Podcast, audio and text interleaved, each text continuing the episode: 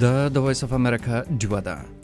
زه نصر کاکړیم او د نن ورځې پادکاسټ د عوامي نېشنل ګوند لخوا را بلل سوی د پښتنو د جرګې په اړه دی د پښتنو و بیلابیلو سیاسي، اقتصادي، امنیتي، ټولنیزو او کلتوري ستونزو ته په پام او له سیاسي ګوندونو سره تر سلا مشورو وروسته عوامي نېشنل ګوند اعلان کړی چې د مارچ په لسمه نیټه به په پېښور ښار کې د پښتنو یوه لویه جرګه کوي خو دا یې نه دي ویلي چې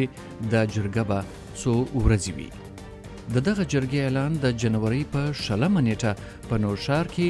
یوې جلسې ته په وینا کې د ګوند مشر اسفندیار ولی خان وکړ ستاسو ټول مې ګوایا ستاسو په مخ کې امیر حیدر خان هوتی صاحب ته او میا افتخار حسین صاحب ته دواړو ته دا وایم چې څونه زر کیدی شي د ټول خلکو سره د پښتنو قیادت سره رابطه وکړي او یو لوی د پښتو جرګه د باچا خان مرکز کې راوغواړي چې ټول سره کینو چالاک به دغه وکړو او یو لار راوباسو د شریک ځان له چې موږ به مخ کې ځو د عوامي نېشنل ګوند له دفتره په خبره سوې خبرپاڼه کې ویل سوي چې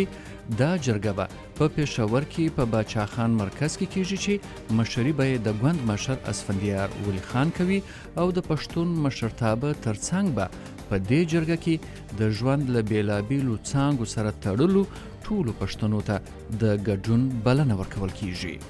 د پښتون ژغورنې غورځنګ مشر منظور پښتین د جنورۍ په 12مه نیټه په بنو کې جلسې ته په وینا کې پر پښتنو مشرانو ژغ وکړ چې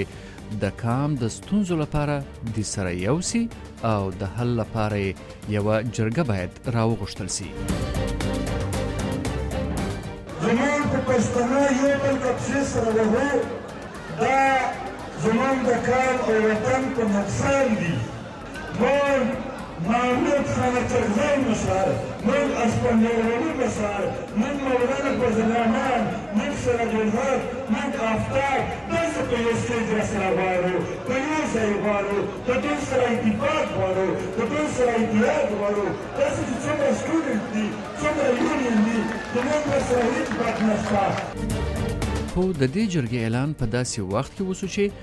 منظور پښتین په زندان کې دی د پښتنو د جرګې غوښتنه له ډیره وخته کیږي تر دې لمخه د پښتونخوا ملي عوامي ګوند مشر محمود خان اڅکزي د 2013 کال د دسمبر په دوهمه نیټه د عبدالصمد خان اڅکزي د 15 تلین په مناسبت جلسې ته په وینا کې غوښتنه کړې و چې د پښتنو دوی لوی جرګې باید راوبلل شي هغه دا غوښتنه له هغه وروسته بیا بیا تکرار کړې د وخت غوښتنه دا ده چې په پا پاکستان کې هم د نن د پښتانه یو لوی جرګه غواړي چې هغه د خپل ملت په اړه کې د خلکو د ارادو متعلق خپل اراده جوړه او د افغانستان څلوېښت کلن جنگ هم دا تقاضا کوي چې افغانان باید سره کښېني د دې علاج راوباسي څلوېښت کاله په افغانستان کې وینې بهیږي هیڅوک هیڅوک چرت نه کوي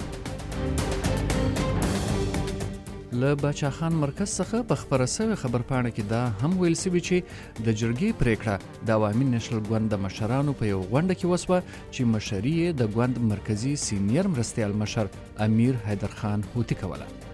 حیدر خان هوتی ویلي چې د پښتنو قامي جرګه به یوه تاریخي جرګه وي چې پښتنو ته پر ورپیږو ټولو ستونزو او مسلو به پکې بحث کیږي او د جرګې د ټولو شریکو غړو د وړاندیزونو او رایو په نتیجه کې به د حل لپاره تګلاره ټاکل کیږي د عوامي نشنل ګوند لخوا د جرګې د اعلان سملاسي ورسته د پښتونخوا ملي عوامي ګوند مرکزی جنرال سیکرټري سېنېټر عثمان خان کاکړ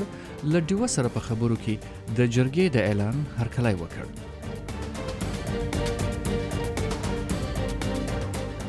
دا اوس څه خبره ده عوامي نېشنل پارټي اسفندیار خان ولي صاحب دا جرګه اعلان کړې ده مګر موږ دا خواهش هم لرو موږ ویل هم دا دي چې په کار هم دا دي چې دا د ټولو ګوندونو لخوا یې په شریکه باندې او دا جرګه چې په کار دی درې ورځې څه په تفصیل سره او دې ته په کار ټول ګوندونه پښتانه غواړي چې د مارچ په لسمه نیټه رابلل سوې دا جرګه به څومره اغیزمنه وي او آیا رښتیا به هم د پښتنو د حقونو او غوښتنو په اړه یو ګډه تګلارې جوړ کړل سي د سیاسي چارو کارپو او د ملګرو ملتونو لپاره په پا پاکستان کې مامور رفیع الله خان کاکړ څه داسې وايي.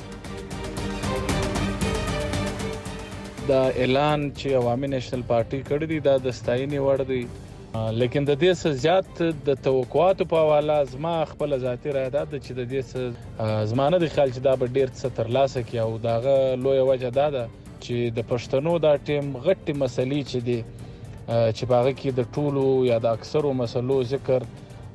پی ټی ایم د خپل غشتونو په صورت کې کړی دی د پښتنو دا ټیم اکثره مسلې چې دی هغه د پاکستان تر ټولو طاقتور اداره چې د پاکستان فوج دی د هغه سره اړه لري او په هغه خلاصيږي خو ځینې څېړونکي بیا نظر لري چې له اغیزه پرته دا جرګه به ټولو پښتنو مشرانو او فعالینو ته چې په هر ګوند او تنظیم کې وي دا موقع ورکړي چې د پښتنو په ستونزو خبرې وکړي او د حل لاره یې وټاکي.